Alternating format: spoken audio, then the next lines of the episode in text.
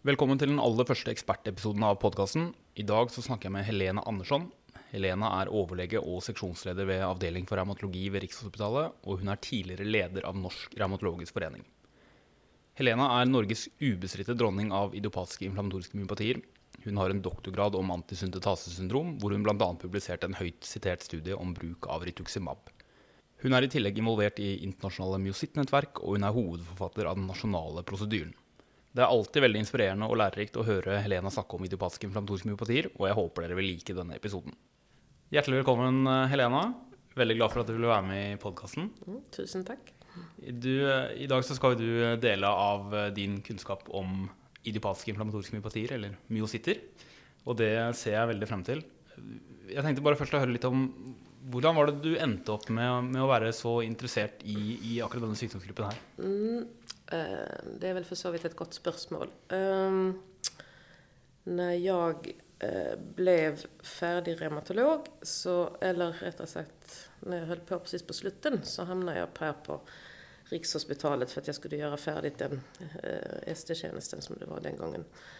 Um, och då så blev jag väldigt, då hade vi John Tore Gran som var vår professor den gången när jag kom hit som distläge. Och eh, ehm, då ville han att jag skulle eh, försöka titta lite extra på eh, antisyntetasesyndrompatienter och det är ju en form för biosit. Eh, och det tyckte jag var kämpespännande. Dessutom, som jag tror faktiskt har varit lite viktig, är ju att jag från begynnelsen av är fysioterapeut. Mm. så att eh, eh, då tyckte jag faktiskt att jag kunde i förhållande till dessa myositpatienterna så kunde jag eh, ha en del nytta av den kunskapen som jag hade som eh, fysioterapeut. Ja, mm. fysioterapeutene har jo ganske sentral rolle i, i mm. disse sykdommene. Mm. Både for å vurdere muskelkraft, men også tilrettelegge treningsprogrammet. Ja. Mm. Eh, I hvilken grad benytter du av den kunnskapen i dag, da? Ja, jo, nej, men jag benytter meg av at att uh, detta i forhold til dynamisk trening og statisk trening og och vad man tenker seg med utholdenhet og sånn. Uh, och det tycker jeg er viktig. Eh, jag tänker också att jag utifrån till exempel differentialdiagnostik så kan mm. man också bruka det rätt så mycket. Mm. Eh, så att eh, det är ju rätt så bra och när man har så mycket studielån som jag, att man då får lite nytta av det man studerat det till först. Det är helt sant. Det er, jo, det er, jo, veldig flott at du har den bredden i kompetansen, og har da um, utrolig godt utgangspunkt for å, for å mestre behandlingen av disse sykdommene på en veldig god måte. Hvis vi starter litt med det du nevnte der med differensialdiagnose, fordi det er jo en uh, stor og ofte vanskelig del av vurderingen her. Og siden disse sykdommene er så heterogene, så er jo listen over differensialdiagnoser også ulik avhengig av hvordan sykdomspresentasjonen er. Da. Altså en mm. Differensialdiagnosen eh, for en pasient som kommer med intensivell lungesykdom og hudulstrasjoner, er jo helt annerledes enn en som kommer med symmetrisk proksimal muskelsvakhet mm. uten noe ekstra muskulære manifestasjoner. Mm. Men, men hvis, vi, hvis, vi, tar utgangspunkt i at det er en, en pasient som er henvist til deg med, med symmetrisk proksimal muskelsvakhet og forhøyet CK, mm. og eh, hvor det i henvisningen ikke kommer frem hvorvidt det er noen ekstra muskulære manifestasjoner, Eh, hvilke måte, differensialdiagnostiske overveielser er det du, du, pleier å gjøre deg da? Altså, er, det, er, det, noe du alltid gjør sånn i differensialdiagnostisk øyemed med tanke på anamnese eller undersøkelser eller blodprøver? Eller? Ja, eh, hvis vi får det som en henvisning av en helt ny pasient som vi ikke har truffet tidligere, eller, eh, så, eh, og har, man viser eh, forhøyet CK, och man, og så, og så er det jo dette med i utgångspunkten så är det allra, allra vanligaste vid myositter att det är en långsamt progredierande muskelsvaghet. Eh, det kan det också vara vid många andra sjukdomar, till exempel de här dystrofierna som det finns, eh, de här limbiödel till exempel. Det finns mm. ju väldigt många undergrupper av dem. Eh, alla de kan också vara sån väldigt långsamt progredierande. Där är det inmare viktigt att man har alltså anamnesen på gång därför att de allra flesta limbiördel-muskeldystrofierna är ju sådana som går i arv.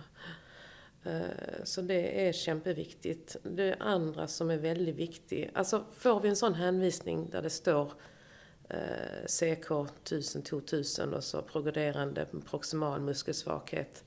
Eh, visst, det är en person som är i 40 till 60 åren eller någonstans där så tar vi helt klart in den och så ska vi till, och det, det första vi, eller första, men något av det vi gör allra först är ju också att checka detta med myositspecifika antistoff. Mm.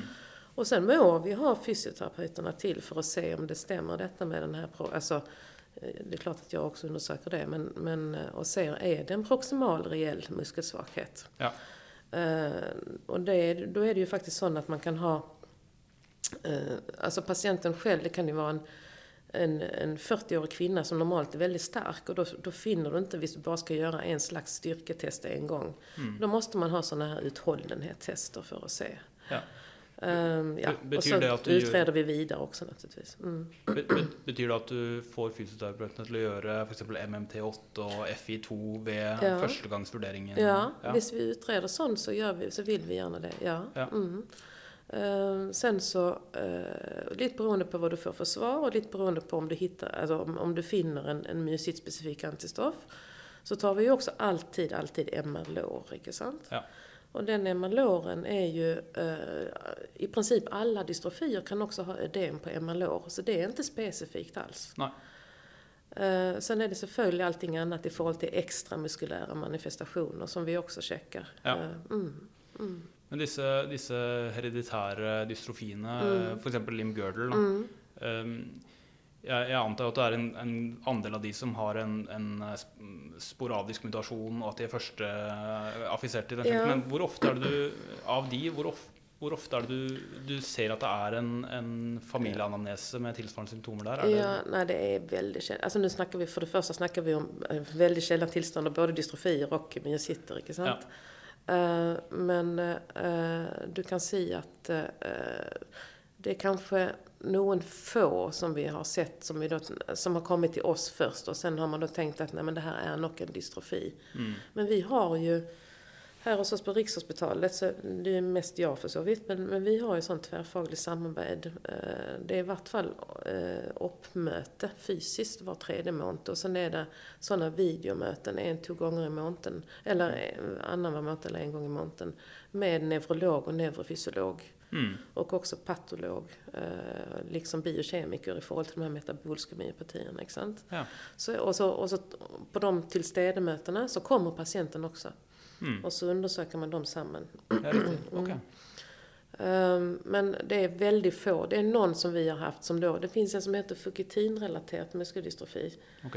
Eh, och den eh, finns det familjer i Norge som har. Ok. Och, och den kan ju också selvfølgelig mutera. Eh, och, den, och den har oftast en del inflammation i muskelbiopsin. Ja.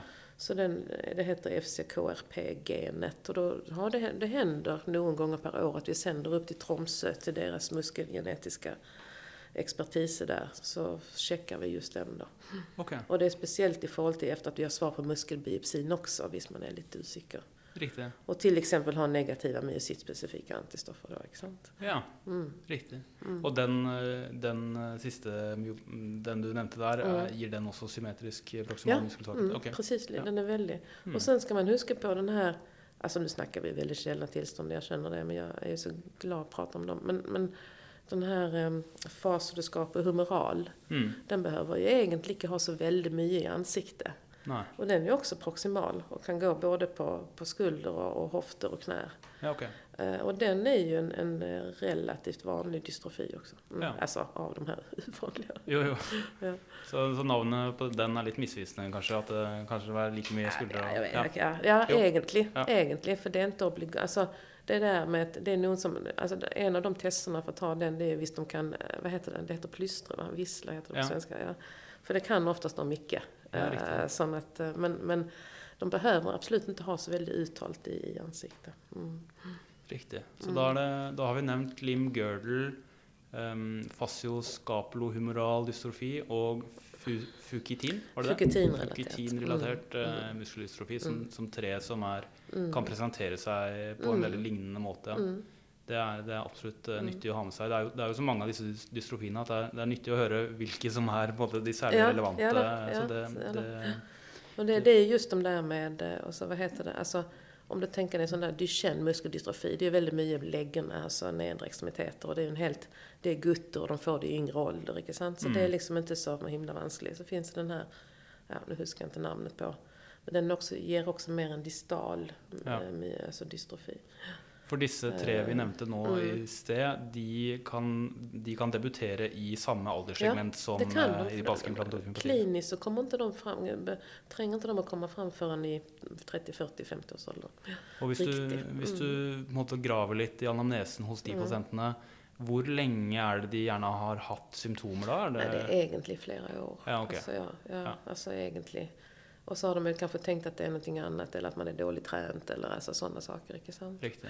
Så, så att, eh, forløpet er altså Hvis du skal generalisere litt, så kan du si at det går litt langsommere enn eh, Ja, enn, det tänker jag. eh, Ja, det tycker jag nog att det gör. Ja, det får jag nog säga att det gör. Ja. Men CK-en er ca. i samme område som eh, Ja, mm. ok. alltså de behöver, säkern på dystrofier är väl alltså typ runt tusen, men det har vi ju många av våra som också kan vara. Sen har vi ju, lite beroende på vilken typ av myocyt vi pratar om, så kan vi också ha myohöjare. Ja. Och då är det väldigt lite sannolikt att det är en dystrofi. Ja. Riktig. Ja, Ja, ok, ja. Så de på en måte mer moderat forhøyet. eh. Ja, men det, eh, og vi skal jo komme litt tilbake til det også senere, men, men jag har jo skjønt at eh, disse dystrofiene, i tillegg til å ha eh, ødem ved MR av lår, så kan de også ha litt lignende biopsiforandringer i muskulaturen, faktisk, med denne MOC1-opprreguleringen.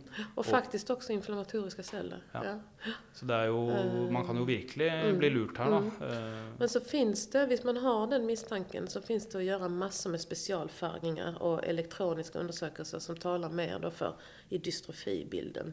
ok. Eller också om du har en typ av metabol, alltså metabolska myopatier finns det ju också som vi någon gång lurar på. Ja. Men det är mer sällsynt. Men, men eh, då kan man göra sådana tilläggs. Och då, då gör vi det gärna så att vi ber våra eh, patologer här göra det. Och någon gång så, ber, så sänder vi också biopsierna till Tromsø och ber för en second opinion. Ja. Mm. Eh, Da forstår jeg det som at Tromsø har eh, en, Ja. eh, en, en egen eh, Ja. Mm. De har ett kompetenscenter som jag, ja nu så håller de på att göra om alla kompetenscenter i Norge tror jag. Men, men det är ett sånt neuromuskulärt kompetenscenter. Ok. Så de har väldigt eh, flinka patologer som checkar och, och också genetiker till detta. här. Mm. Um, disse myositt-spesifikke autoantistoffene, de, de, som navnet tilsier, så er de jo eh, spesifikke. Men eh, vil du tenke sånn at funn av et myositt-spesifikt autoantistoff eh, hos en person som har symmetrisk proksimal muskelsvakhet uten noe ekstramuskulært, at det i praksis utelukker en, en annen form for muskelsykdom? Ehm, ja. Ja. Mm, men ja. Eh, detta är ju... Nu förutsätter vi också att man då inte har hud, till, som du säger då, Ja. inte sant? Ehm, så visst, de har en, en eh, till exempel en, en anti-HMGCR eller anti-SRP. Ja. Så är det liksom, men då är det eh, väldigt säkert, höll jag på att säga. Ja. Mm, Ja. mm. La oss si at du har en eh, person i passende alder som, som har klinikk, klinikk som kan passe med en immunmediert nekrotiserende myopati. Eh, Dvs. Si re, typisk eh, utbredelse av svakhet, eh, CK på et par tusen, og eh, et av disse myosittspesifikke autoantistoffene, altså enten eh, anti-SRP eller anti-HMGK-reduktase, eh, og eh, ødem på MR. Eller, hvilken rolle har biopsi i, de, i de situasjonene der? Ja, det är ett kämpegott spörsmål.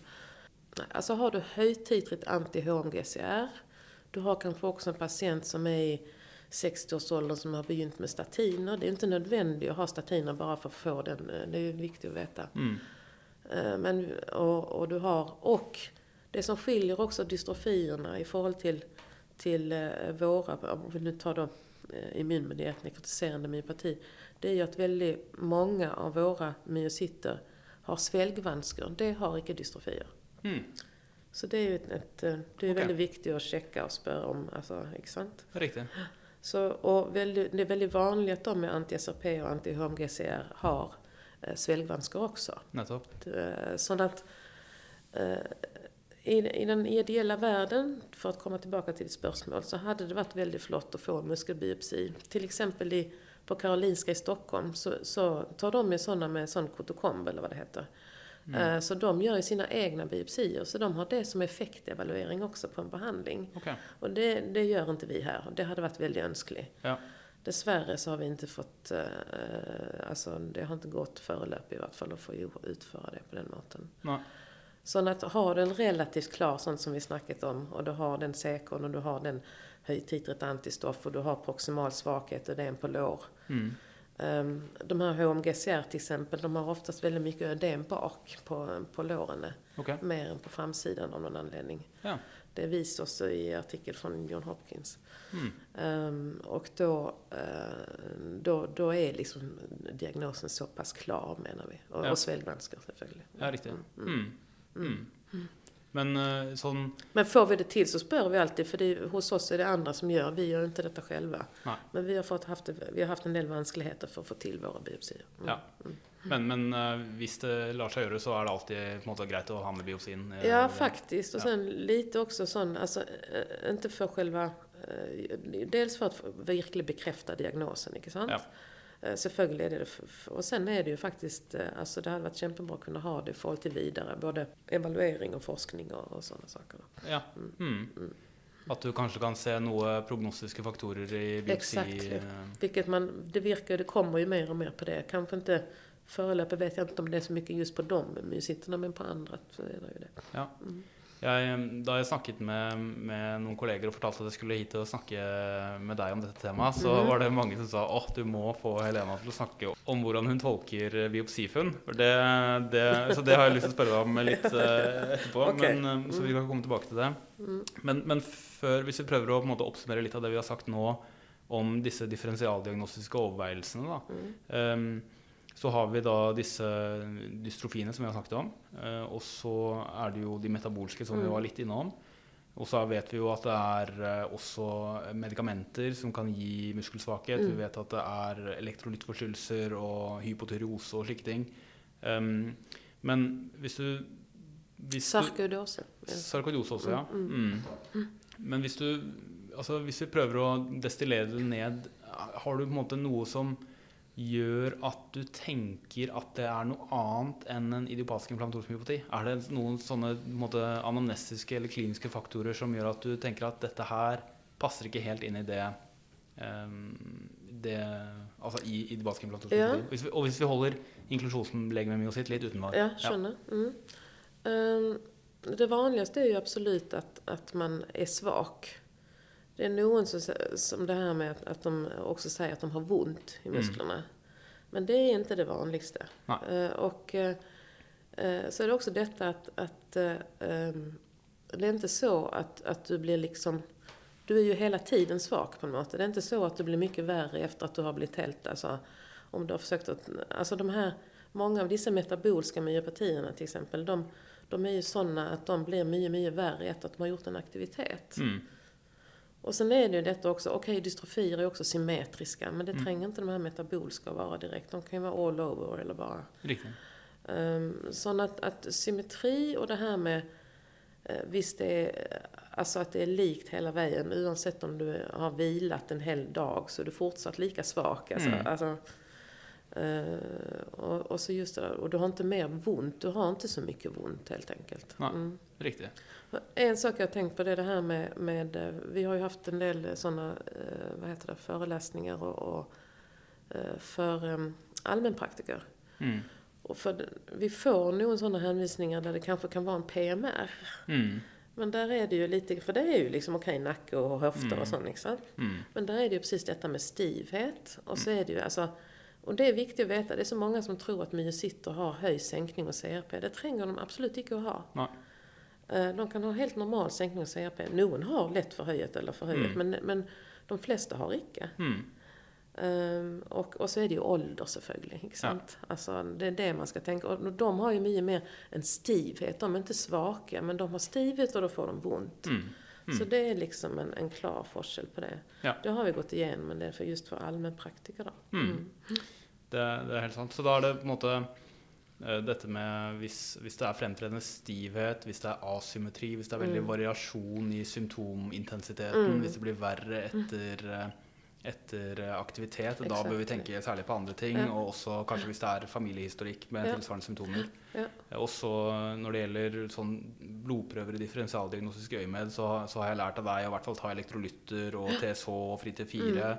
Eh, I tillegg til selvfølgelig myositt eh, blått og eh, standardprøver. Och kalcium. Kalsium, ja. Eh, og eh, er det noe, noe annet av blodprøver som, som du tenker er I, særlig icke som en sån Nej. screening. Nej. Nej. Nej, inte vad jag kan, nej. Nej. Mm.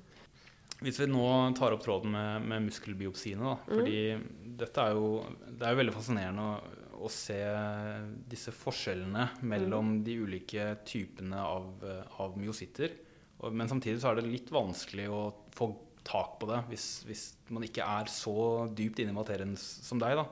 Men ehm, hvis i, fordi i, i rapporten fra, fra patologen så er det jo veldig mye informasjon. Og så kan du på en måte klare å gi oss noen tips om hva er det du ser etter, hva er det som er av betydning, hva er viktig? Ja. Um, där kan man ju säga så här att, att eh, alltså det allra viktigaste, men om vi nu utgår från att vi tänker att detta ska vara en myocyt, Mm. Så ska man ha det som heter MHC1-uppregulering. Eh, eh, man har inte en myocyt utan en MHC1-uppreglering, oavsett vad. Okej. Också de här immunmedierade nekrotiserande har till viss del MHC1-uppreglering. Ja. Ehm, och så, eh, det som är så viktigt med, jag vet inte om vi ska snacka lite om det där med, alltså vi lurar ju lite på om, om polymyocyt som en, en antistoffnegativ polymyocyt, om det finns. Ja.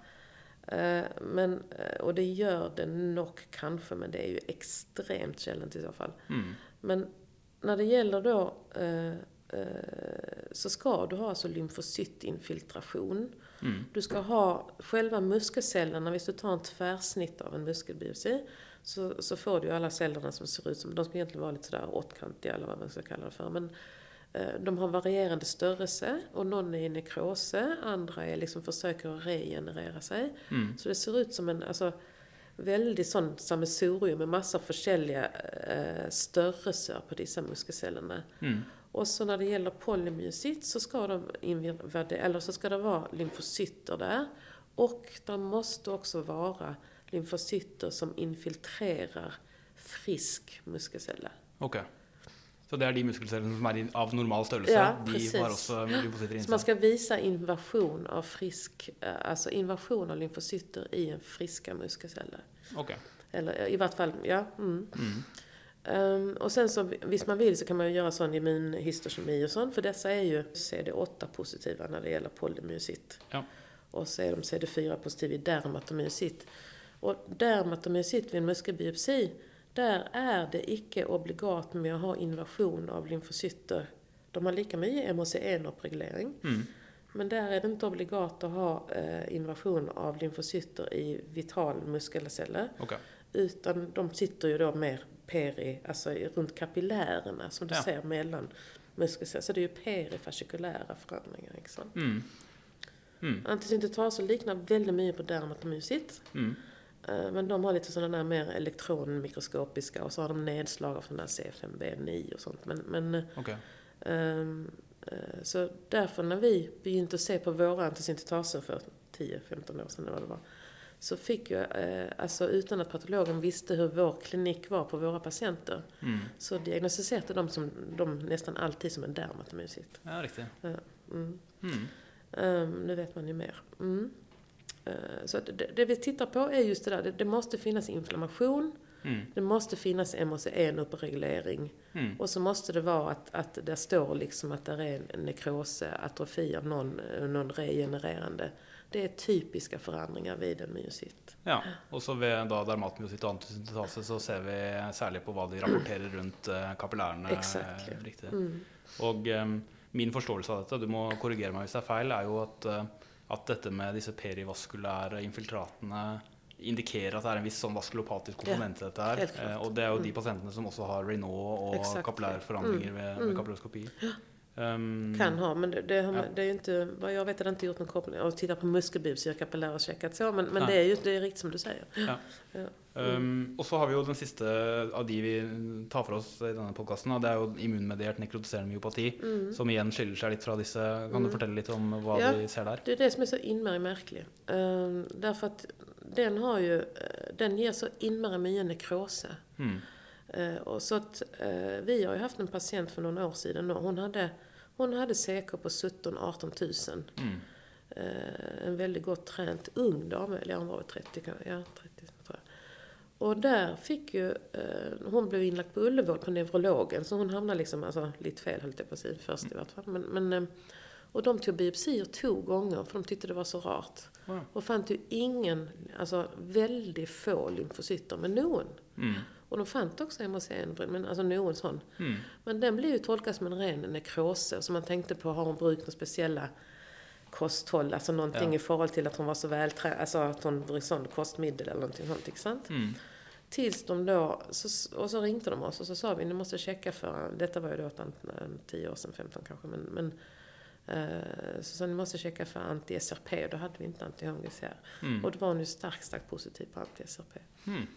Så att immunmedierat är nekrotiserande, det är därför det, namnet säger det också. Även om det är immunmedierat så är det väldigt få lymfocyter och inflammatoriska celler du finner i en, en, en, i en sån eh, vad heter det, myopati. Mm. Men omfattande nekrose? Altså, Omfattande nekroser. Så folk tror liksom att detta är något, ser i princip ut som toxis nästan. Ja. Mm. Altså, jeg har jo ikke jobbet i faget så lenge, og den, ja, hvis jeg forstår riktig, så, så kom eh, denne sy- immunmediert nekrotiserende myopati ble beskrevet sånn på 2000-tallet en Mm. gang. Eh, har du noen formening om hva, hvilken diagnose disse pasientene fikk eh, på 90-tallet? Nej, jag Altså, vet faktiskt inte. for det, Men- det er jo men- lett å tenke at de da ville falt inn i liksom toksisk eller Ja. noe, noe i den gata. Eh, Vi har en som vi har tyckt har varit så, eh, som är sån resistent för behandling, som har haft sin sjukdom sedan mitten på 90-talet. Mm. Han är i 50-årsåldern. Eh, nej, han är i 60-årsåldern då snart. Men i vart fall. Och han, uh, han checkade vi om. Han, är, eh, han har alltså anti-HMGCR. Ja, riktig. Så, men, men han har inte, och han har i, den, i hans biopsier, och så har vi en annan dam, som spelar ingen roll var hon är från. Men henne sände vi biopsier både till NIH och till Karolinska och alla skrev att det var nekrotiserande. Men detta var också före man visste detta. Mm. Och så testade vi henne, hon hade precis likadant. Mm. Mm. Fordi eh, dette er jo Altså Hvis man jobber i en revmatologisk avdeling, så ser man jo disse pasientene Mm. ikke sjelden, Nei, syns det jeg. det. Eh, jeg synes jo, mitt inntrykk er at SRP er sjeldnere enn HMG Ja, K-redukase. Så men det, jeg vet men det tänker jag, ja, det så är nog den kliniska erfarenheten vi har också. Ja. Att anti-SRP, och anti-SRP är då lite yngre, för det vanligaste är ju fortsatt att att, eh, alltså det kan, alltså att, att den HMGCR är relaterad till, till statinbehandling. Då. Riktig. Mm. Mm. Ja, at det er få yngre som bruker det. Ja. Mm. Nå ehm, Da har vi Altså hvis vi oppsummerer da litt om muskelbiopsifunnene, da er det ved polymyocytt da er det CD8-positive T-celler som infiltrerer eh, friske muskelceller. Ved dermatomyocytt og antisyntese så er det CD4-positive T-celler, særlig rundt kapillærer. Mm. Og ved immunmediert nekrotiserende myopati så har vi omfattende nekrose med, f- med veldig beskjedent lymfocyttinfiltrat. Mm. Ja. Og eh, i alle tilfellene så forventer vi MHC1 Ja. oppregulering, og fravær av MHC1 oppregulering, da bør vi tenke på andre ting. Er det Mm. sånn å forstå? Men, men igjen så er MHC1 oppregulering et Uspesifikt. funn. Ja. Mm. Mm. Mm. Nei, men det, da, da har jeg litt mer kontroll på muskelbiopsifunnene. Hvis vi, hvis vi nå ser for oss at denne pasienten du fikk henvist, eh, viser seg å ha funn som er forenlig med, med en immunmediert nekrotiserende myopati av, eh, av en eller annen form, og eh, vi ønsker å kartlegge den ekstramuskulære sykdomsutbredelsen, Mm. kan du, kan du si litt om, om hvordan du, du tilnærmer deg det? Altså hvilke undersøkelser du rekvirerer? Og hvis vi foreløpig holder malignitetsscreening litt utenfor, men bare liksom organmanifestasjoner av selve sykdommen? Eh, Detta är ju kämpeviktigt. Alltså, om, om en, en, det är väldigt, väldigt ovanligt, men det är beskrivet att immunmedierade nekrotiserande myopatier har lunginfektion till exempel. Mm. Eh, Det är beskrivet i en rätt så stor studie. De har så mycket folk i Kina. Så om de kom från Beijing eller Shanghai huskar jag inte. Men, men de hade en viss procent, som inte var många, som hade ILD också. Alltså eh, i den här anti-HMGCR. Så att jag syns ju att när man gör den utredningen, även om detta är, är liksom en, en klassisk eh, anti-HMGCR då, eller, eller eventuellt anti-SRP, Eh, Och spec- speciellt kanske visst de är yngre, alltså sånt sätt, så gör vi en spirometri. Mm. Och det, här hos oss är det väldigt lätt att kosta på sig en, och lätt att få en CT-thorax också, eller en HR. Ja. Eh, och sen, som det vet inte riktigt alla mina kollegor heller, visst det är normalt, Mm. då ska det, alltså då menar jag, då bör man inte, visst de inte får symptomer för någonting, inte sant? Alltså Mm. sånt sätt. Så behöver man inte, visst det gäller då detta med lungor, så, så ska man ju icke tränga och kontrollera det vidare. For disse immunmedierte introduserende precis, myopatiene. exakt. Mm. Mm. Och folk som tar var sjätte månad och de ska på kontroll och så plötsligt, ja, nu ska vi ta en ny spirometri. Det är bara, det, det, behöver, det tränger man icke att göra. Det er riktig. Och sen just de, de immunmedierade är ju det här med sväljvanskor. Så Mm. vi gör ju alltid en, en sak är om de också klagar på det. Mm. Men vi gör ju också, en, även om de kanske inte har bemärkt det eller något sånt, så gör vi ju alltid en, en röntgen eller dynamisk röntgen av spiserör. Ja. Mm. Hvor de svelger eh, kontrast. Ja. Mm. Mm. Mm. Så Och då är det ju viktigt, alltså i förhållande till till exempel skleradamierna som har detta med dysmotilitet, det kan man också ha någonting av i, i eh, eh, alltså flera myositpatienter kan ha det, men här är det ju viktigt att checka den tvärstripiga muskulaturen med i svälget Mm. och se om den fungerar eller inte. Det är det som är det som är det vanskliga för dessa patienter. Mm.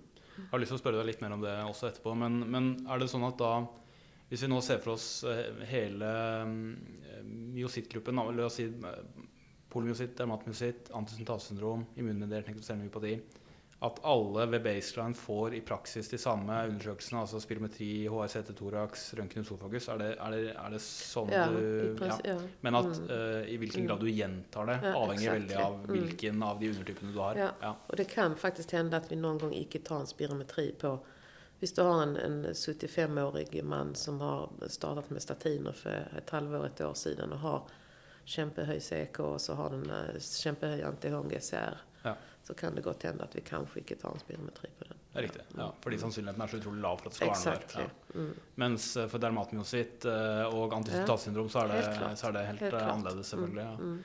Og eh, hvis eh, la, oss, la oss nå holde MDA5 positiv dermatmyositt litt utenfor bildet, men la oss si Hvis vi tar antisyntase-syndrom, da, Mm. hvor eh, Hvis du gjør en eh, Altså ved diagnosetidspunktet gjør spirometri og en HRCD thorax, eh, som begge er fine, vil du gjenta det rutinemessig, eller tar du det da ved symptomer hos den gruppen hvor du vet at det sannsynligheten for at det kommer er mye høyere enn eh, immunmediert nekrotiserende myopati? Nej, eh, det är ett kämpegott spörsmål. Eh, Vi, eh, vi tar, och det, det tror jag är, eller det menar jag på att eh, jag har inte sett några sådana direkta internationella rättningslinjer heller, men de allra flesta eh, vid uppföljning av en antisyntetasesyndrom eh, så tar man i vart fall spirometri då. Mm. Kanske om eh, en gång i halvåret, i vart fall en gång om året. Ja. Just för att försöka fånga detta. Mm. Och ett väldigt viktigt test som är den här sex minuters gångtest faktiskt. Ok. Ja. Mm. Nu är ju den sex minuters gångtest just i förhållande till myositter, för visst de är väldigt svaka i sina... Så, är det, så kan det ju vara lite vanskligt att värdera vad som är vad. Eh, Men, men vi gjorde ju den undersökningen och det korrelerar gott faktiskt. Mm. Ser du mest på distans eller på Nej, deoksygenering? det är oxygenering. Ja, riktigt. Mm, mm. Så hvis de faller under en viss eh, prosentandel, eh, altså Ja. under 95 eller et eller annet sånt, Ja. er det noe sånt? Ja, Så, det är selvfølgelig beroende på vad de har från begynnelsen av, men, Ja. men oavsett. Um, och sen är det väl, uh, vad var det nu jag tänkte på? Nu slip my mind. Um, nej, det kommer tillbaka. Unnskyld. Ja. Mm. Em, nei, men det er godt å vite. Og hvis vi da på en måte tenker på, på Nu vet jag Jens vad det Ja, var. ja. Sorry. Kom igjen. Det var detta med att man ska ju huska på att faktiskt att, att uh, uh, myositpatienter kan ju också ha uh, affektion av respirationsmuskulaturen. Mm.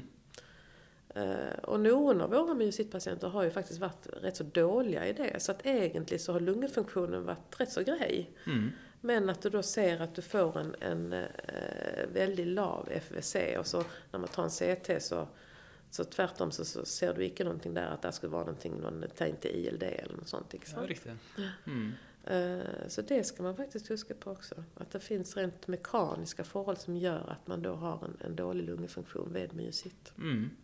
Jeg har hørt uh, lungeleger snakke om MIP og MEP og sånne tester som dette. Jeg, jeg Ja. klarer ikke helt å forstå hva Nej, det, ska jag allvarligt talat, jag, har jag, vi, jag är inte så heller bevandrad i den lunggränsen där. Men, men det är sådana ting som man kan se på. Eh, Och man kan, eh, de gör ju sådana specialtester också. Du kan göra sådana specialvolymgrejer och sånt Ja. också. Men, men man ska bara huska på att det finns. Ja. Och så tror vi att oj, nu är det liksom väldigt ILD eller nu är det slitsamt. Och så är det inte det, utan det är muskulärt. Mm. Riktig. Ja. Mm. Så lav FSC med blank eh, CT-thorax, da, Exactly. da tenker Mm. vi særlig på dette her. ja. Mm. Mm. Mm. Og da Och DLCO då, alltså det är ju en, altså, är i princip normal också. Då. Mm. Riktig. Mm. ja. Og, um, og da forventer du at FSN bedrer seg i takt med at uh, resten bedrer seg? Ja. ja. Mm. Nei, men det, det er spennende. Mm. Jeg, jeg syns jo at man, man, får inntrykk av at når det gjelder intensivert lungesykdom ved myositter, så er det antisyntetasesyndrom, og så er det MDA5-positiv dermatmyositt, som er på en måte de Mm. to største gruppene eh, hvor det er et problem. Eh, men, men hva er din erfaring med andre former for dermatmyositt, altså MDA5-negativ eh, dermatmyositt, Ja. hvis vi kan si det? Det? Ser du mye ILD hos de, eller? Eh, Det är riktigt som du säger, att vi ser det väl allra mest vid, vid eh, anti-MDA5. Så ska man ju huska på, det det som är så förvirrande i myositvärlden. Du kan ju ha klassiska dermatomyositförändringar vid ett antisyntetasesyndrom till Mm. exempel. Mm. Och väldigt många av dem har ju en ILD. Mm. Eh, Men vi har ju sett ILD till exempel vid anti-ME2. Ja. Eh, Jag tror det är väldigt källent, för vi har nog inte sett någon vid den här anti-SAE till exempel. Okej. Eh, och sen är det ju sån, mm, vi ska kanske snacka lite om det här med malignitet och paramalignitet, men Mm. alltså de här som har anti-NXP2 och, och tiffen gamma, anti-tiffen gamma, Mm.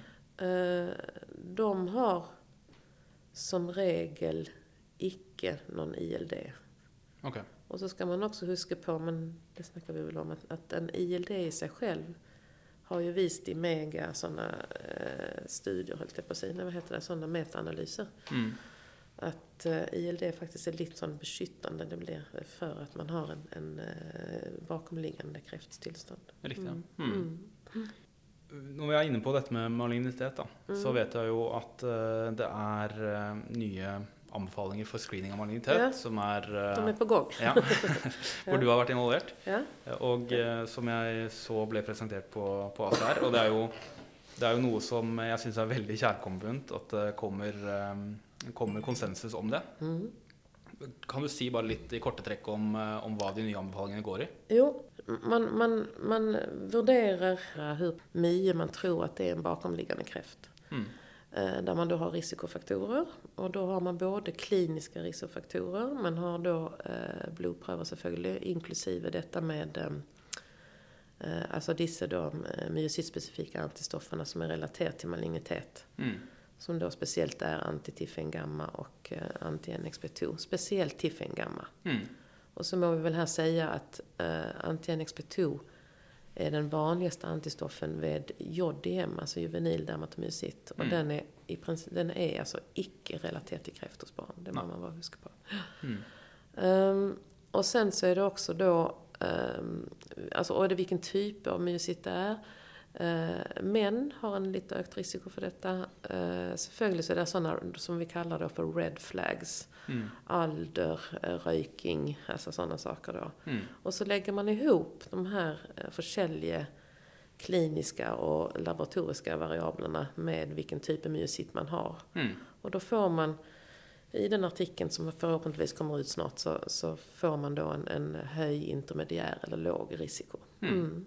Mm. Og så kom det jo tydelig fram, i hvert fall i det abstract test, eh, at eh, hva du skal gjøre av screening eh, i de Precis. forskjellige Mm, gruppene. Så det var jo veldig Man har ju inte riktigt, alltså vi har ju varit väldigt heldiga i vart fall här på Rikshospitalet, för vi, vi har väldigt god tillgång till PET till exempel. mm. Så ska man ju huska på att PET inte är liksom alene vissa tarmkräft kanske inte syns så tydligt och liksom Mm. Men, men, men eh, man bör göra en, en ordentlig screening. Ja. Mm. Mm. Mm. Där gäller det ju också det här med hur många år efter man ska göra årlig. Alltså sånt. Och det är också beroende på vilken grupp man då hamnar i. Inte sant? Ja. Så, mm. For det er fortsatt sånn at de med høyest risiko, da er det eh, tre års eh, Ja. Mm. ja. Fra diagnosen om myositten. Mm.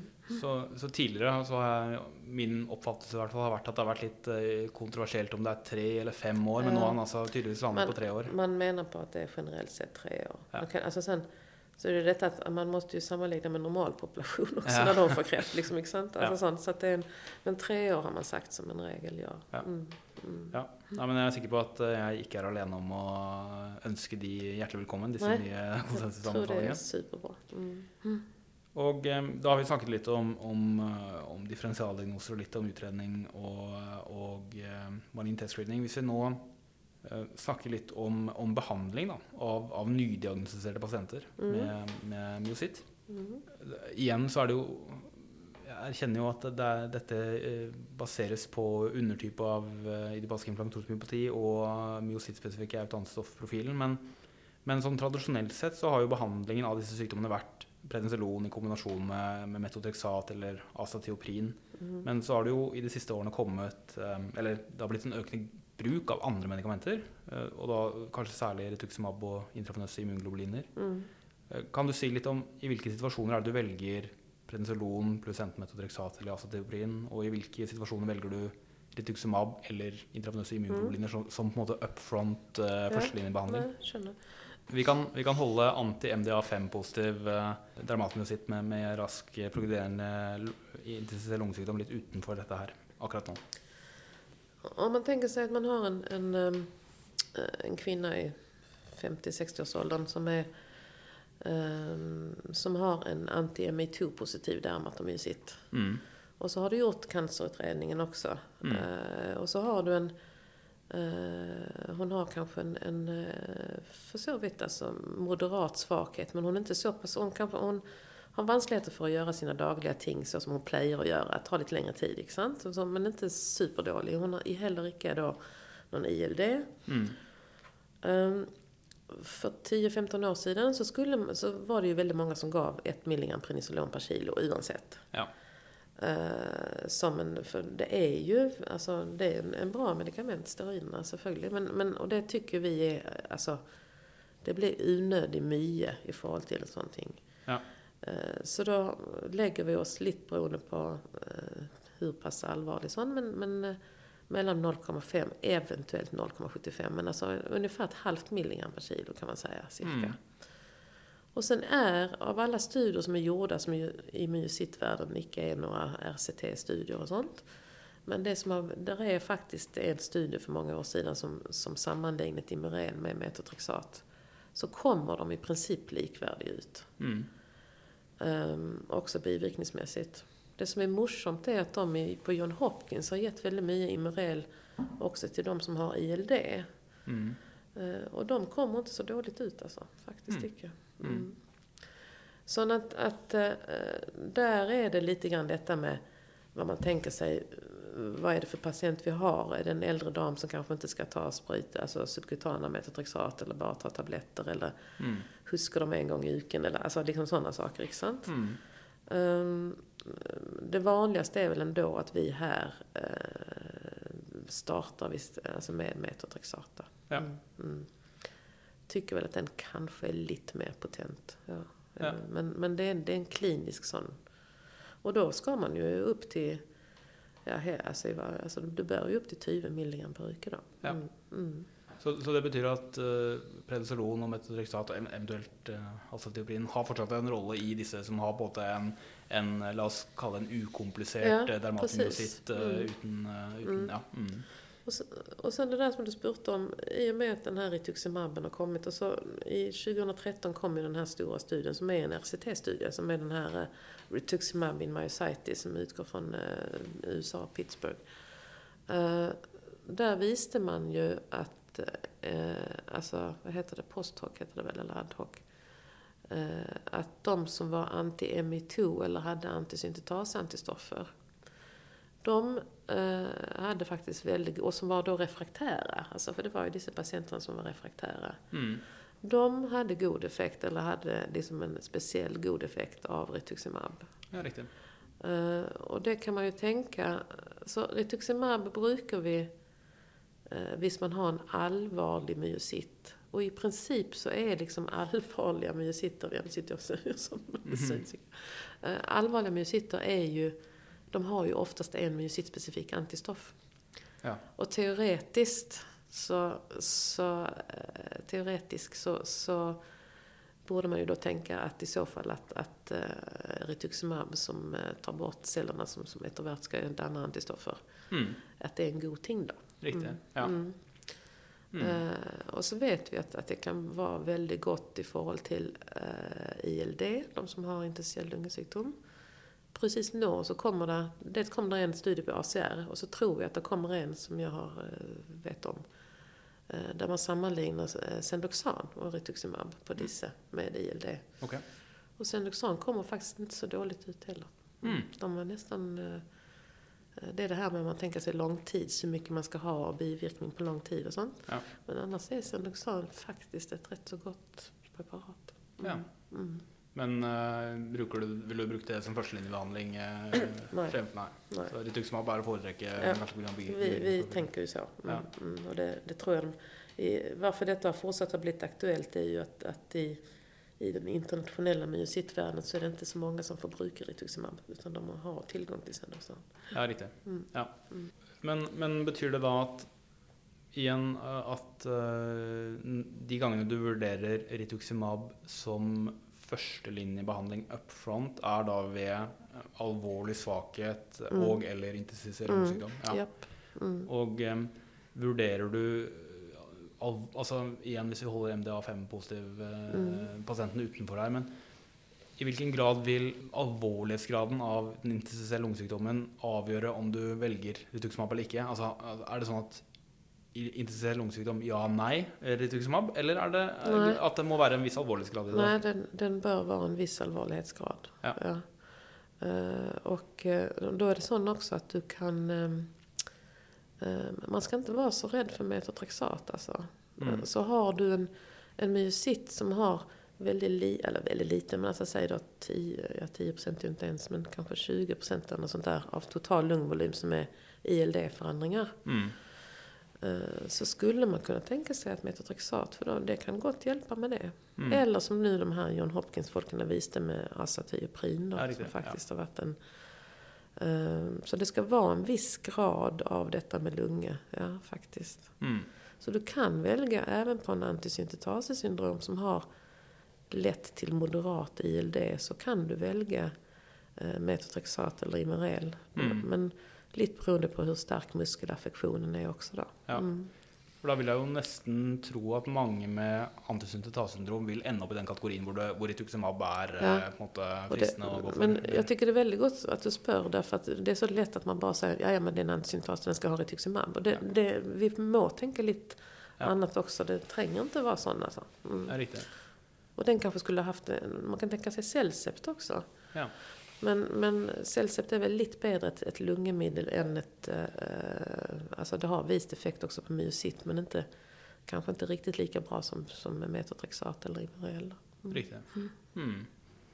Eh, Og så er det jo Så poäng, poänget är ju också, undskyld, men poänget är ju också att det blir väldigt sån personalized medicine, individuell Ja. värdering, inte sant? Och just som du säger, det är så heterogena grupper, det är liksom... Eh, så det blir en del vanskligheter, men man ska inte, man ska inte bara... Alltså vi tycker rituximab är kämpebra, det är det ju. Det har ju bivirkningar också selvfølgelig. mm. Eh, men men ehm, eh, det är så lätt att bara säga, men då blir det rituximab. Alltså man bör tänka. Mm, Ja. Mm. Men hvis du ritu- rituximab, eh, ville du gitt samme prednisolondosering som om du ville gitt metotrexat, eller er det Ja, vi ger ju vi ger eh, 0,5 ja, Ja. oftast. Mm. Och- Och, och- men de som får rituximab är ju då kanske lite myo och, och de, visst de har väldigt allvarlig lunga så ökar vi ju den steroiderna också. Riktig. Mm. Mm. Og, og når er det du å gi eh, litt Solmedrol i, i starten? Det Nej, det, det gör vi på dem. Ok, Eh, ja. Det gör vi helt klart på dem. Ja, de ska ha Solomedrol tre dagar först. Mellan Ja. 500 till 1000, lite beroende på vem det är. Mm. Riktig. Mm. Ok, så da, da har vi indikatorer for, eh, for at rituximab er et egnet eh, preparat. Det er jo da alvorlig muskelaffeksjon, det er intensivell lungesykdom i hvert fall av en viss alvorlighetsgrad, og så eh, kanskje særlig de myosittspesifikke Mm. autoansoft-positive Mm. pasientene. Eh, hender det at du gir det til, til, eh, m- til de som er seronegative også, eller eh, vegrer du deg for å gjøre det sånn Ja, Vi har gjort det, men jag, samtidigt så det har vi gjort på någon få. I så fall, de bör ju helst kanske vara ANA-positiva då. Ja. Sant? mm. Mm. Det allra, allra vanligaste är ju att när de är så pass påverkade, alltså en lunga, muskel, sånt som de är, så finner du i princip alltid, i vart fall kanske då en ANA eller en, Ja. som regel är nästan alltid en myositspecifik antistom. Så da, da har vi snakket litt om metotrexat, azateoprin og, og rituximab. Og hvis vi da går til det siste, da, som er eh, hot, hot topic, Mm. eh, intravenøse immunglobuliner, Mm. der eh, Der er jeg veldig interessert i å høre litt hva din tilnærming er til det. Altså, hvem skal ha det, og når i Ja. behandlingsforløpet er det aktuelt? Mm. Eh, Det är också väldigt goda spörsmål. Um, nej, nu har det ju kommit en, eh, en studie, också en RCT-studie på Octagam, 10% i Octagam, eh, på refraktär dermatomyositt. Mm. Och den visar ju väldigt klart att där är eh, forskel på placebogruppen och de som får Octagam. Mm.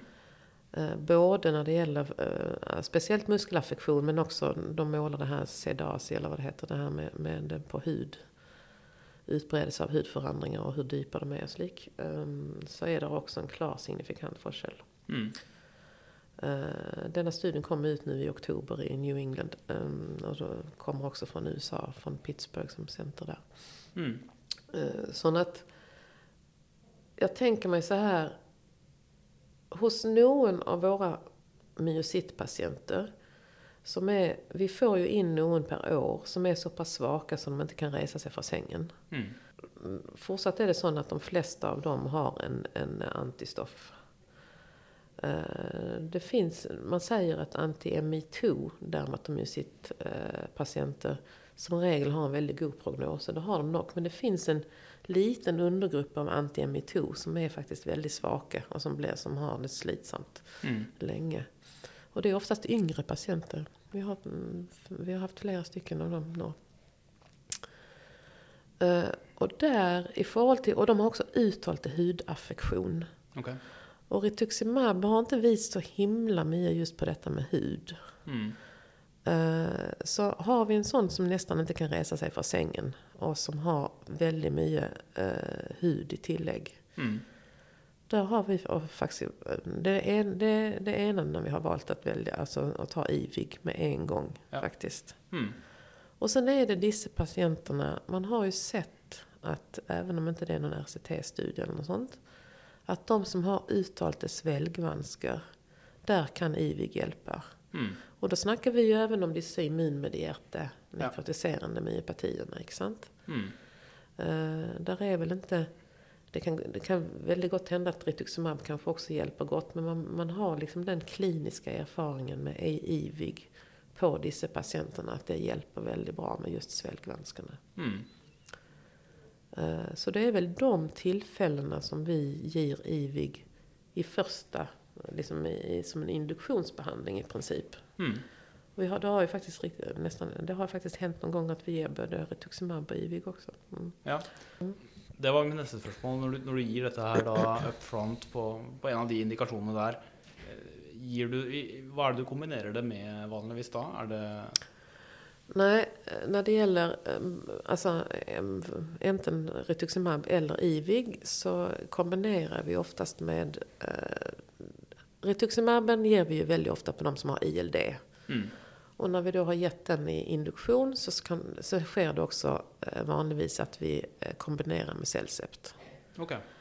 myklofenolat. Um, och då är det ju mm, speciellt för lungan. Mm. Mm. Eh, man kan tänka sig på de som är väldigt allvarliga, vi skulle kanske snacka om anti-MDA5 sen, Mm. att man, eh, höll jag på att säga, hoppar över Cellcept och kanske går direkt på tacrolimus. Riktig. Eh, när det gäller det här med svällgvanskar och uttalat muskelaffektion så Mm. kombinerar vi eh, hellre med metotrexat och så då IVIG och metotrexat. IVIG og metotrexat. Mm, mm, Og mm. prednisolon. Ja. Ja. Mm, mm. Ok.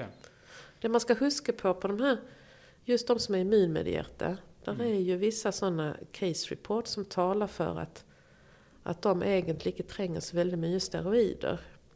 Och, eh, och att de inte har så väldigt god effekt av steroider heller. Ok. Kanske är det just därför på grund av att man eh, inte finner så många lymfocyter i muskelbiopsin, inte. Eh, utan att, att jag vet det. Men, men, ehm, och då kan det vara väldigt flott också att eh, kombinera just med eh, IVIG och detta med metotrexat. Mm. Mm. Ok, så hvis, hvis, du, hvis du velger IVIG, så er det oftest i kombinasjon med metotrexat og prednisolon. Hvis du velger rituximab, og det er, altså, og det er alvorlig interstisiell lungesykdom, så er tillegg av eh, mykofenilat up front Mm. aktuelt? Eller er det, kom mykofenilat- mykofenilaten litt lenger ned i, i forløpet der? Nej, vi, eh, i och med att, att rituximab tar ju ett antal månader innan vi kan se full effekt. Ja. Och de som då är allvarligt sjuka i sin ILD, Mm. då ger vi, startar vi gärna med, med mykofenilat samtidigt Riktigt. faktiskt. Ja. Ja, og måldosene, er det ett gram ganger to? Ja, alltså, ja, det är den vanligaste i vart fall. Ja, Ja. det är kanske lite beroende på hur, hur patienten ser ut och s- störelse höll jag på att säga. och. Men, men ett gram gånger två är ju en, en, en, det är det faktiskt. Ja. Hos de patienterna måste man ju vara, det gäller ju oavsett om du har rituximab i monoterapi eller icke, men det är ju kämpeviktigt med pneumocystisk profylax. Ja. ja, for det vil jeg tro at de absolutt er eh, stor Ja. risiko for å få. Ja. Mm. Jag tror det är viktigt att få fram detta med Alltså det, här- det här heterogena med myositterna, inte sant? Mm. Sånn att i forhold til rituximab og IVIG, når vi nu har diskutert dette, Mm. så en som har mye hudaffeksjon, har en myosittspecifik antistoff, Mm. Og har muskelaffeksjon, så er det en, eh, da er IVIG en god ting i forhold til dette med, med huden. Ikke Mm.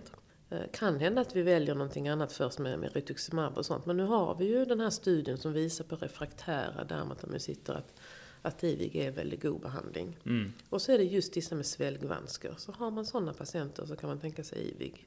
Mm. Eh, IVIG kan ju vara bra för lungor också, men det vet vi inte riktigt. Där är ju några studier som talar för det också. Mm. Men det är retrospektiva. Ja. Men där är det också så att där går vi i princip alltid direkt för rituximab. Ja, riktig. Mm. Eh, Når du gir IVIG, det du forventer at eh, effekten Hvor, hvor, eller hvor raskt vil du forvente å se effekt av Ja. det?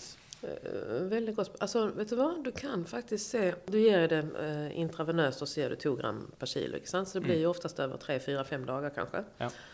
Eh, och sen när patienten kommer tillbaka om, eh, alltså nästa månad igen efter fyra veckor Mm. så kan du helt klart se en bedring. Ok. Det, kan du, alltså, det, kan du, det hade du kanske också gjort i förhållande till att du har så höga doser steroider eller sånt, Mm. Så Mm. det spörs om det är. Men att du kan allerede efter eh, första gången och när du är tillbaka efter fyra veckor att du kan se en bedring, det kan du göra helt Mm. klart. Mm. Ja. Og eh, når det gjelder altså Du sier jo da at det er to gram eh, per kilo over noen dager. Er det, hvordan er det du velger om du gir det over to Nei, unnskyld, over tre dager, eller over fire eller over fem? Er det Vi har en regel att man icke ska ge över 40 gram. Det är kanske någon som ger 50 gram per, de- per dag då. Ja. Eh, och detta handlar ju rent om sån trombosrisiko. mm. Och det handlar också om de här andra bivirkningarna. Vi har sett flera med sådana septisk meningit. Ok. Någon får kämpevont i ryggen och då får de det liksom i spinalkanalen, höll jag på att säga. Alltså sån, inte sant? Ja. Jag har haft patienter som har blivit inlagda på sitt lokalpsykehus för att de inte har kunnat, det har gjort superont i hela ryggen eller i hodet. ok. Mm. Eh, Så det är väl nästan det, det mer vanliga. Vi har, vi har själva vad vi, alltså, icke registrerat så väldigt mycket trombosting. Mm. Och det må man tänka på hvis du har en äldre eller någon annan med andra risikofaktorer också. Mm. Eh, Någon centra ger ju till exempel fragmin kanske före och sånt. Riktig. Men, men det har vi aldrig gjort föreløpet, vad jag vet i vart fall. Så det har vi inte. Men, men eh, det är kämpeviktigt. Mm. Men disse som utvikler denne smerten i, i ryggen eller hodet, Ja. er det noe som går raskt over vanligvis? Ja, eller? det vanligaste är på typ eh, inom fem dagar eller något sånt. Ok. Ja. Och i vart fall inom en uke. Ja. Men väldigt obehagligt när det sker. Mm. Och flera av dem eh, kan ju bli spinalpunkterat. Jag tror Ja. att du kan se lite, lite sån förhöjt spinalprotein, men absolut inte mycket. Mm. Så det är ingen, men det är liksom ingen, du får ju negativ dyrkning och negativ allting annat, inte sant? Mm. Men, men ehm, ja, mm. Mm. Eh, väldigt obehagligt för de patienterna som det sker. Eh, då anbefaller man mycket, mycket lavare hastighet. Ja. Helst då som det, det, det kan man kanske inte, alltså mindre doser. Men, men, eh, och sen kan man också rehydrera, alltså att man hydreras före man, man får behandlingen. Då. Mm. Er, det, er det noen bivirkninger hvor du ville tenkt at det ikke er aktuelt å gjenta behandlingen hos den pasienten? Eller? Nej, alltså den patient jag tänker på som hade den där enorma hodetingen, där, Mm. där slutade vi faktiskt. Ja. Ja. vi gjorde det, för det, och det ville patienten. Vi måste Ja. hela tiden samhandla med patienten. Så att det, Ja. Hon ville heller inte själv ha längre. Mm. Mm. Men sånn det generelle inntrykket for deg som, som på måte har brukt dette i mye større grad enn de fleste andre revmatologer, Mm. eh, hva er ditt på måte, helhetsinntrykket ditt nå av Er det, er det godt tolerert behandling? Ja, også, Eller? mm, Mm. Det är det. Eh, och eh, vi har en ung man som har en anti-MeToo-positiv dermatomysit. Och han har blivit så mycket bättre av IVIG. Mm. Eh, där, han, där startade vi faktiskt med rituximab. Mm. Men så fick han en väldigt allergisk reaktion på rituximabben då. Okej. Och så gick vi över till IVIG. Ja. Och han, har, eh, han säger ju att han får ont i huvudet några timmar, alltså efter att, att infektionen är färdig. Ja. Och så varar det till nästa, alltså till nästa dag när han ska ha nästa infektion så att säga. Inte sant? Men han, han, han menar på att det är tolerabelt för honom så han har fortsatt med det. Där. Och nu har vi reducerat dosen för att han är så mycket bättre. Ja. Mm. Fordi når du, når du går i gang med, med en, en runde med IVIG, da, eller Mm. eh, at du, du, du finner grunn til å starte det, hva er det du ser for deg av lengde av behandlingen da? Er det Nej, eh, alltså vi har ju sagt sånt och det, det säger man internationellt också. Jag sa ju innan att man kunde se effekt. Man kan se effekt inom en månad. mm. Men du ska i vart fall se effekt på fyra månader. Ok. Gör du inte det så är det ingen mening att fortsätta. ok. Efter, eh, och sen så, och då ska, bör du ha en gång per månad, 2 gram per kilo. Och så bör du ha det i vart fall i sex månader. ok. Och i den studien från i New England så gjorde de också, då gick de faktiskt ner till de som var stabila och hade nått så pass bra, alltså efter att de hade, de hade först i 16 veckor och sen hade de totalt 40 veckor till. Mm. Men på slutet när visst de var väldigt stabila och hade så pass goda värdier Mm. så gick så reducerade de dosen till 1 gram. Ok. IVIG-behandlingen bör du nog ha totalt i vart fall i ett års tid. Men sen att du har, oftast har du kanske någon annan då, metotrexat eller någonting annat också. Mm. Och den bör du fortsätta i, det är en sån gyllene regel med två år. Ja, riktig. Så du, du beholder noe behandling i ytterligere ett år til? Ja. Ja, helt Men- klart. Och då är det bättre, när det gäller just IVIG, så är det bättre att du reducerar dosen än att du förlänger intervallerna. Ok. Ja. Så fortsätt gärna med, med en gång i månaden, men att du reducerar till ett gram. ja. Mm. Det är det man såg i den studien också. Riktig. Så da er det ofte vil det være da seks måneder med to gram, Mm. og så seks måneder med ett gram, Mm. og så bare fortsette det Så- andre immunsupprimerende Ja, etter precis. det. Mm. Mm. Og ehm, Fortsatt är det ju inga sådana klara alltså rättningslinjer för det där dessvärre. Men, Ja. men i den studien som de nu publicerades nå så, så visste det att det kunde ha en god effekt att göra det sånn. Mm. ja. Når du gir dette her i terapeutisk dose fremfor substitusjonsbehandling, så er det jo høyere doser og det er høyere volumer. Mm. eh, Högre pris. Høyere pris også, ja. Mm. Eh, har du noe erfaring med å gi altså, terapeutisk dose, to gram per kilo eh, subkutant? Er det aktuelt, eller? Eh, jag tror inte att 2 gram, för det går inte rent praktiskt. Har Nej. vi, men vi har ju en, en, vi håller på med detta hos oss nu. Men ett gram skulle kunna gå. Ok. Så vi har, eh, vi har några sådana pilotpatienter som vi prövade på, på vår sängepost för tiden. ok. Där de lär upp sig hur det är med subkutan administrering och gör detta hemma då. Ja. Så det blir spännande att se, vi har precis begynt. Men da, da vil det også være snakk om eh, tre til fem dager en gang i måneden med den subkutane Ja, inflasjonen. Ja. mm, ja, men det er spennende. mm. Så Mycket mer kostnadseffektivt. absolutt. Det er jo ressurskrevende også å ta dem inn eh, og infusjon Ja. eh, daglig tre til fem dager på en sengepost. Det, Mm. det er klart. Vi, vi tar det på dagenheten oftast, men det är noen på sengepost också. Ja.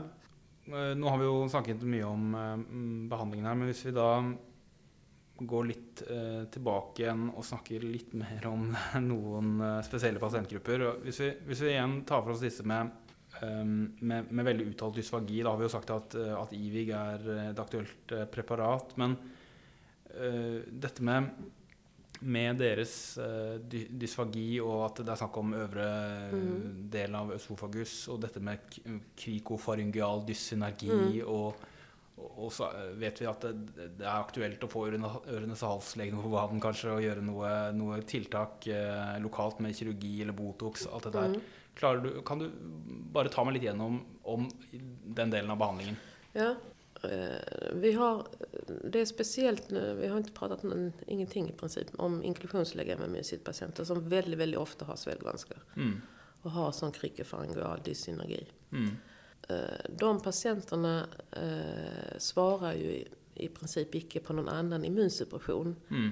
Så att, att, att, att ge eh, IVIG i höga doser eh, under en längre tid för att de kanske ska bli, eventuellt bli bättre. Och det har inte heller visat riktigt just på inklusionslägga med myositpatienter. Mm.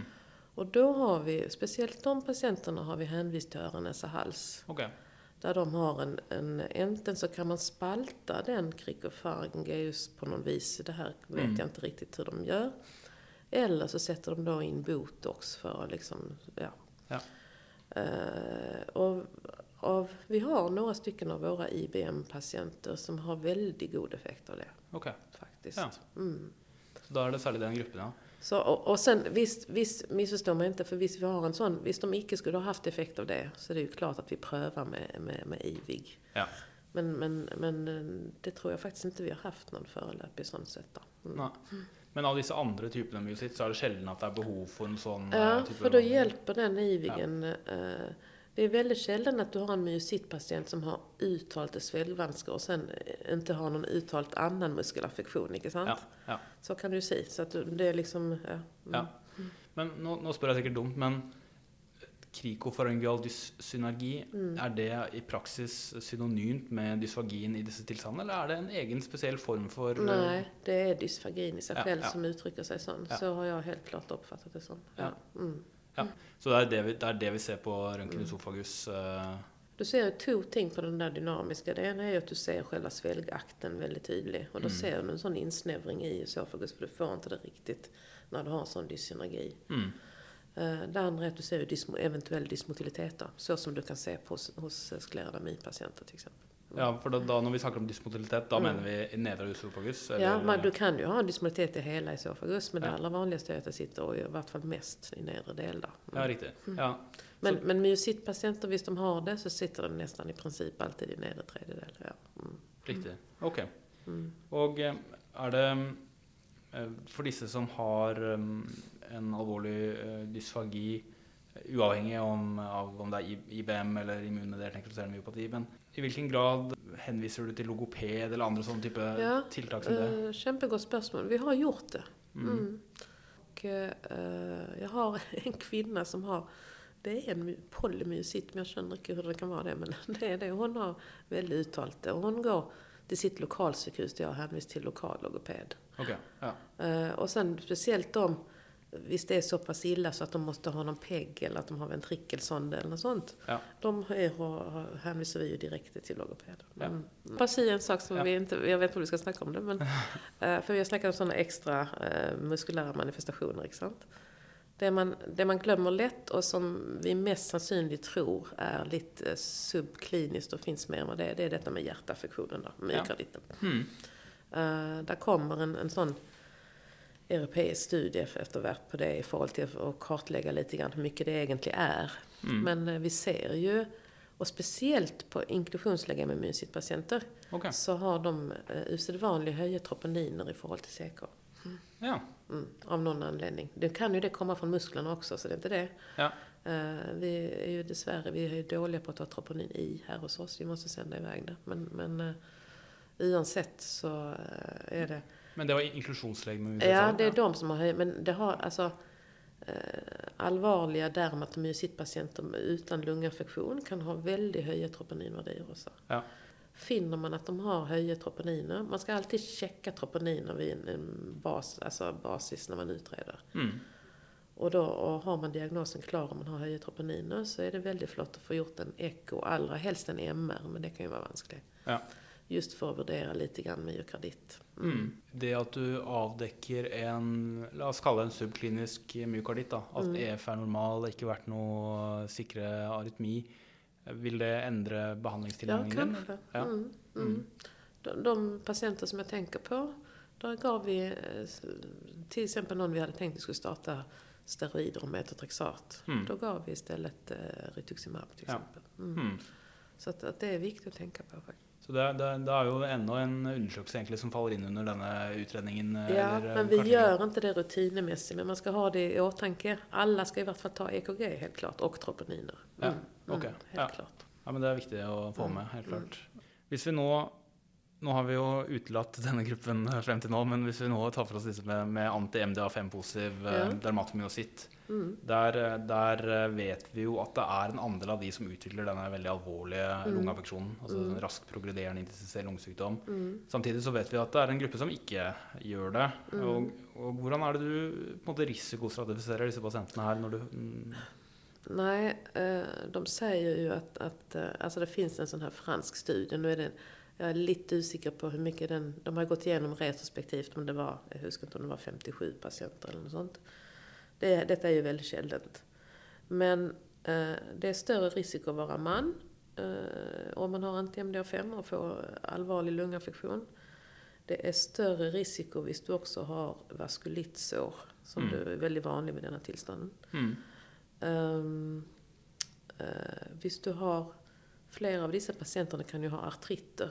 mm, Det er egentlig litt sånn beskyttende. Så at det er Ok. mot den här allvarliga lungegrejen. ok. Men det allra viktigaste här är att det här går ju så snabbt så att de märker väldigt fort hvis de får någonting med lunga. Ja. Det är bara det att du måste fånga dem, ikke sant? Ja. Och de flesta som vi har fått hittills, de har ju har vi ju hittat på intensivavdelningar och så Ja. har vi tagit dem myositspecifika och så är de anti-MDA5 positiva. Ja, riktig. Och så är det ju en studie som har, var den också från Kina tror jag, som visade att väldigt många som hade covid som låg på intensiven hade anti-MDA5. Ja. Och, de, och de var sämre, de hade ju sämre prognos, Ja. sämre överlevelse. Väldigt speciellt. Ja, veldig. Mm, mm.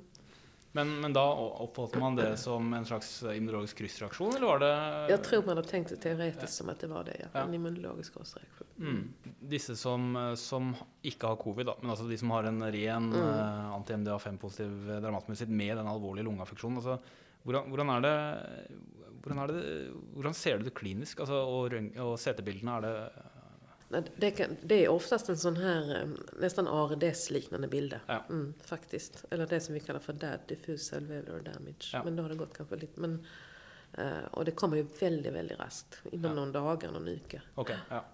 Så eh, kluet är att man ska veta om att de patienterna finns. Den väldigt allvarliga typen fångar du inte nästan före. Du, du har, alltså, det går så fort. Ja. Og særlig med, særlig med tanke på at disse er eh, ofte klinisk amyopatiske, da. eh, så det er jo ikke sikkert at uh, myosittspesifikke autoantistoffer er det første de som tar disse pasientene imot, tenker på. Nej, och där har ju vi en uppgave som reumatologer att vi som i våra, alltså i, i vårt fag som när vi, eh, vi har väldigt god samarbete med lungavdelningen här till exempel. Mm. Och de vet om att när det är sådana här så ska de ta de här myositspecifika antistofferna, inte sant? Det är, eh, och det är ju vår uppgave att vi måste förtälla om att den, alltså det är ju väldigt, väldigt sjeldent, det ska man ju huska på. Ja. Eh, och, eh, men att man ska veta att det finns och att det är en typ av detta. För det, det finns ju en massa andra differentialdiagnoser. Mm. Och, till en sån rapid progressive lungesvikt. Men, men där är anti-MDA5 en av dem.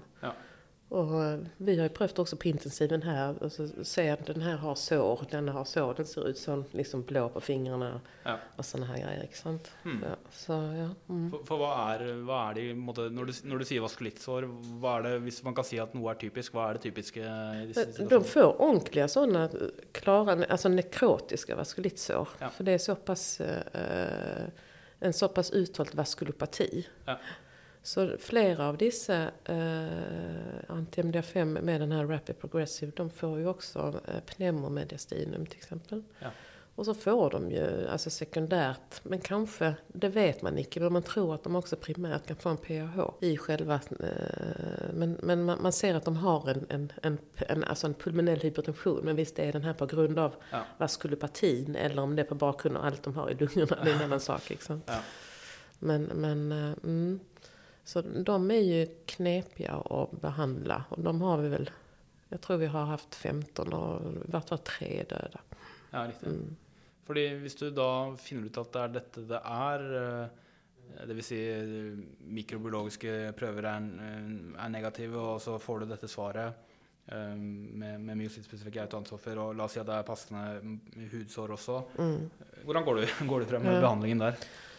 Eh, vi vill ju oavsett, alltså det är ju en, när du har sådana vita lungor så har du ju en grogrund för infektion oavsett, inte sant? Ja. Eh, och även om du och för så vitt kan få en negativ bal. Men det är klart att, att i princip alla patienter står ju på intravenös antibiotika oavsett. Ja. Och sen så ger vi ger Solomedrol. Och där Mm. ska man ge tusen tre dagar. Ja. Eh, och sen så eh, kan man ju gott diskutera. På någon så har vi plasmaferesat dem. Ja. Faktiskt. Mm. Det finns inga studier som talar för om det ska ha effekt eller icke. Men rent teoretiskt, precis som alltså, plasmaferes hjälpte inte så väldigt gott på anka-associerat vaskulitt. Men, Mm. men eh, teoretiskt så skulle det kunna ha någon viss effekt. Ja. Och så ger vi selvfølgelig då, eh, vad heter det, rituximabben. Mm. Okej. Har väl icke gett samtidigt i VIG. Nej. Och sen, men, men vi startar upp med tacrolimus. Mm. Ja. Mm. Och så är det höjddos steroider. Här snackar vi om upp till ett milligram eh, efter den sonomedrolen då. Disse tolv som har overlevd dette, Mm. hva er en måte, restfunksjonen i lungene i Nej, det- vi har ju en sån solskenshistoria som jag plejer att ta på någon av mina sådana där eh, föreläsningar. Eh, och han har det ju helt fantastiskt. Hur det, är en- men det är liksom en sånt under. Mm. De flesta har ju en, en reducerat, eh, i vart fall med en tredjedel kanske eller något sånt. En Ja. eh, reducerad lungfunktion. De Mm. har ju det. Och sen har vi, eh, det var väl Noen som vi skulle försöka få Nej, nu säger jag, det var en annan. Jag tänkte på sån transplantation för det var så, men det gick inte. Nei, for det er Mm. også aktuelt i denne Det kan situasjonen. helt klart vara aktuellt, ja. Ja. Mm. Mm. Väldigt dåligt prognosistegn hvis de får pneumomediastin. Då är det jättedåligt. Ok. Mm. Og eh, er det, er det noe man merker klinisk, eller er det fanger opp på bildet? Nej, du fångar, alltså de ligger ju oftast i Ja. respirator och sånt. Ja. Ja. Så att det, kan gott hända att de är lite vanskliga att ventilera eller något sånt. Men, Ja, ja. men du, ser det på, du ser det på bilder. Noen steder så står det at det er særlig Det virker å være en litt geografisk eh, forskjell, eh, eller etnisk fors- forskjell i risiko for, for å utvikle alvorlig interstitiell lungesykdom ved anti-MDA5 positiv dermatositt. Har du Mm. noe personlig erfaring med, med det, om at asiatere er særlig mer utsatt, eller?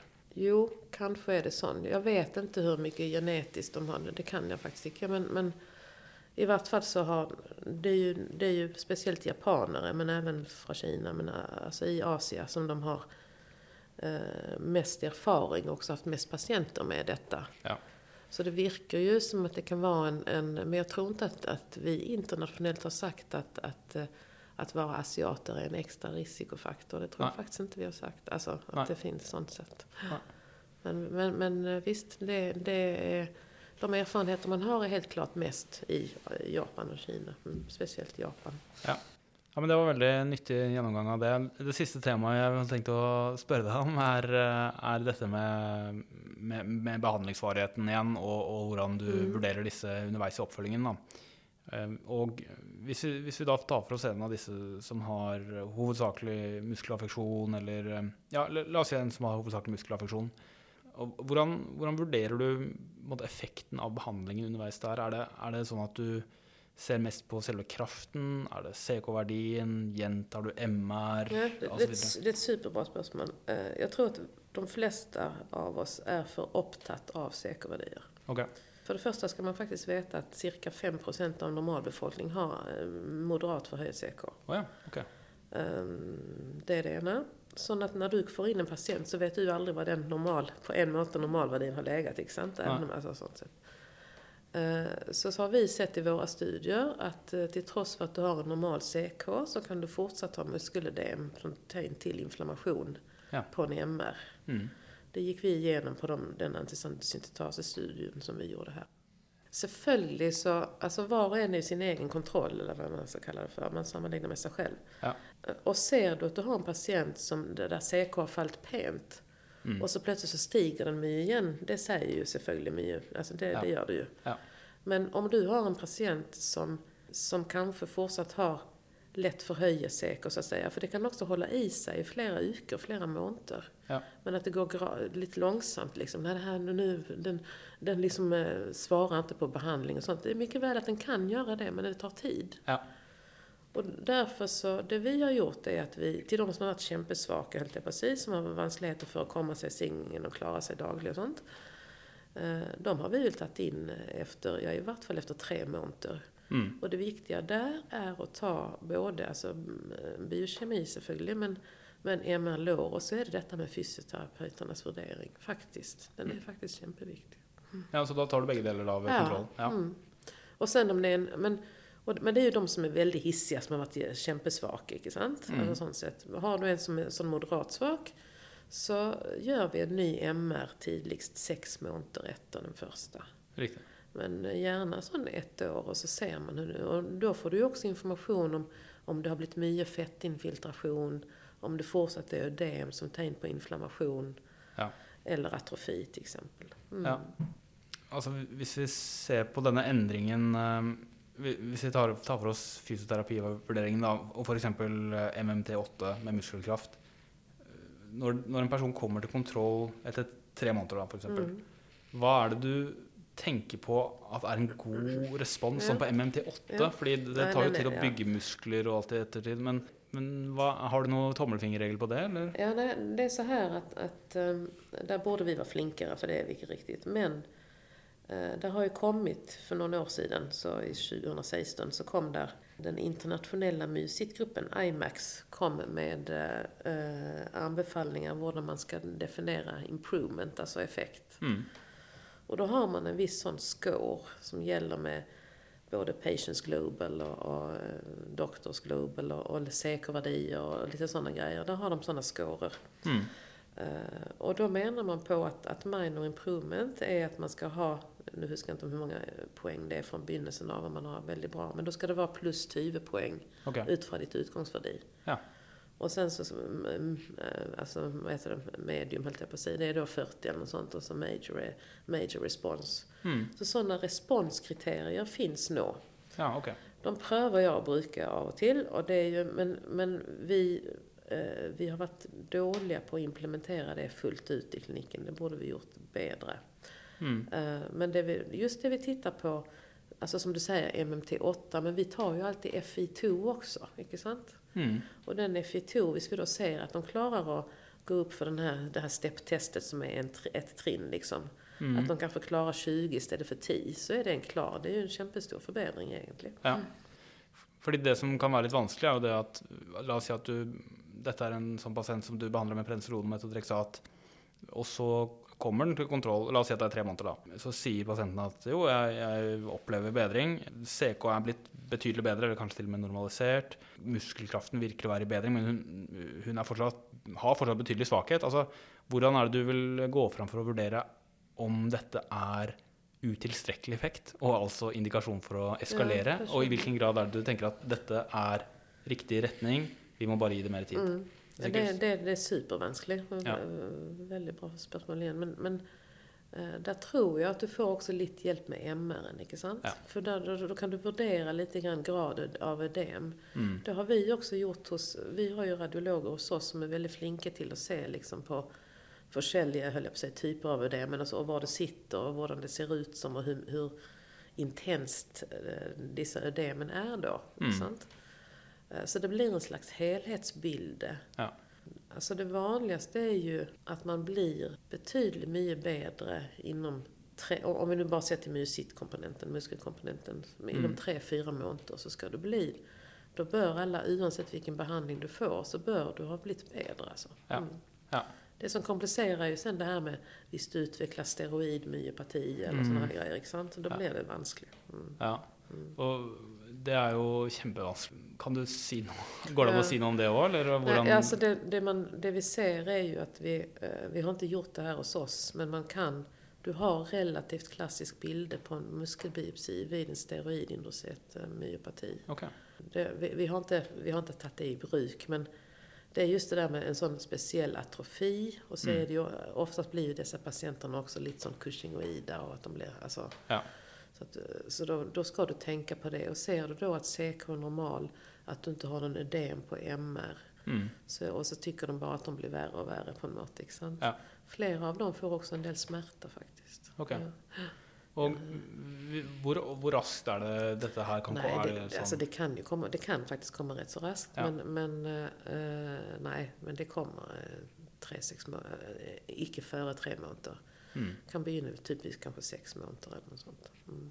Og la oss si at det, dette er en La oss si at det utvikles tidligere hvor, hvor dosen fortsatt er eh, moderat. Da. Altså med Mm. prednisolon, La oss si at prednisolon er 25 eller Mm. 20 milligram. Mm.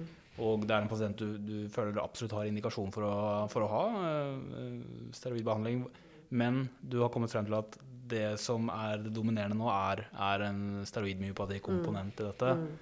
Hvordan håndterer du den situasjonen? Fordi, altså, Vil du trappet ned Prednisolon raskt, eller eh, Ja, det är ju också som ett diagnostiskt test. Ja. Alltså, alltså lite grann på en måte. Men för visst du har en steroidmyopati, då ska du trappa ner Ja. eh, kortisonen, eller steroiderna raskt.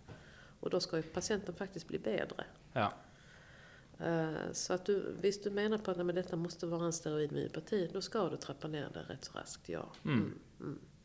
Och då får du också lite grann svar på om du har rätt diagnos eller inte. Ja. Du har jo snakket litt om det allerede, da, men, men bare for å gjenta det. altså Hvis, hvis vi igjen har en pasient med, med anti-MI2-positiv dermatmyositt, med, med moderat, eller i hvert fall ikke veldig alvorlig hud- og muskelaffeksjon, det er ingen ILD, det er ikke noe malignitet, du gir prednisolon og metodrexat, eh, det er god effekt av behandlingen, det er ikke noe residiv. Eh, Hvordan, når, når avslutter du prednisolon, når avslutter du metodrexat? Eh, Jag tror att vi generellt sett är, är för fega till att avsluta prednisolon. Mm. Eh, Så att, eh, när de då står både på metotrexat och prednisolon och metotrexat ska vara steroidsparande så är det ju helt klart det bästa att sluta med prednisolonen först. Ja. Eh, Men den bör du stå på i vart fall ett, kanske ett och ett halvt år. Eller Okej. något sånt. Ja. Men då kan du stå i en sån lavdos. Det är precis samma med de här temporalisartriterna eller PMR när de står på 2,5 till 5 liksom, Ja. alltså hela tiden. Det är ju eh, mest sannolikt icke nödvändigt. Mm. Men, ehm, eh, och sen så, så är det en gyllene regel utan att man egentligen, var den har kommit ifrån det vet jag inte. Men det är att man kan eh, begynna att reducera också för- efter ett och ett halvt år. Men, men du, ska ha, du ska ha en behandling fram till två års tid. Ok, ja. Så prednisolon eh, fases ut ett til ett først, og et halvt så å år, ikke så metodrexat i totalt to år, og så, ja. ja, ja. Og, og hvordan, eh, hva sier du til pasienten idet du, i det du, i det du er på toårsmerket Ja, og du nei. seponerer? Hvordan Ja, det är väldigt, så säger jag så här att, att, att det vi vet så är det en viss eh, del av patienterna, det är ju cirka en tredjedel, så går det bra. Så får de inte detta mer. Nej. Men flera av dem har ju lite sån senföljer med lite sån fatig och sånt, precis som vi ser vid våra andra reumatiska systemsjukdomar, inte sant? Eller mm, reumatiska sjukdomar. Men då är det inte myositten som är aktiv. Det är liksom lite sån senfölje på något sätt. Ja. Och sen är det ju en annan tredjedel som, som får Oplus Ja. inom ett år. Ok, ja. Eh, Det är en holländsk studie som har visat det för, för länge sedan. Och sen så är det ju en som vi aldrig får i remission helt, som hela Ja. tiden är kroniskt progrederande långsamt. Ja. Och som går lite upp och ner. Ja. Men disse som responderer godt, og hvor du velger å avslutte etter to års behandling, vil, velger du da vanligvis også å avslutte oppfølgingen eh, hos eh, Ja, vi bör göra det. Ja. Oftast är de så hyggliga så jag ser dem igen. Ja.